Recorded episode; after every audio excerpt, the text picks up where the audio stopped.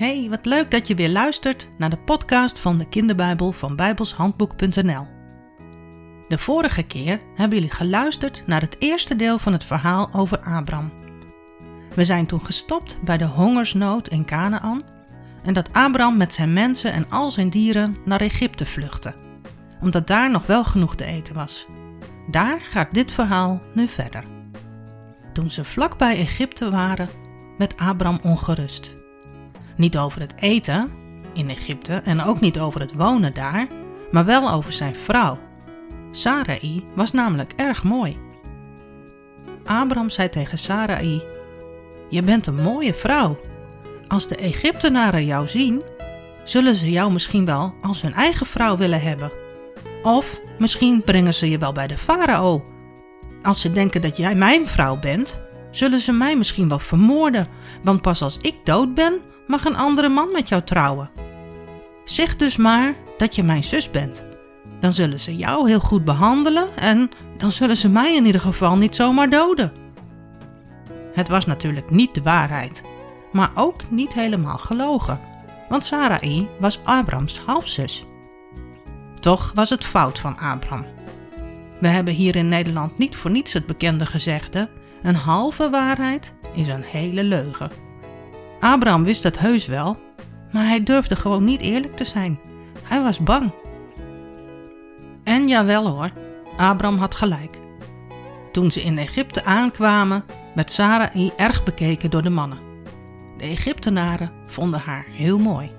Ze waren onder de indruk van haar schoonheid, staat er in de Bijbel. Waar Abraham bang voor was, gebeurde ook. De mannen vertelden de farao over de mooie vrouw die ze hadden gezien. En de farao werd natuurlijk nieuwsgierig. Die wilde haar wel eens zien en hij gaf de mannen de opdracht om Sarai bij hem te brengen. Wat was Abram dom geweest? Want omdat iedereen nu dacht dat hij de broer van Sarai was, konden ze haar nu gewoon meenemen. De farao had die opdracht natuurlijk niet gegeven als hij had gedacht dat Sarai al getrouwd was. Dat mocht niet zomaar. Maar ja, Abram was gewoon bang dat ze hem zouden doden. Sarai werd naar het huis van de farao gebracht. Wow, wat een mooie vrouw, dacht de farao. Met haar wil ik wel trouwen.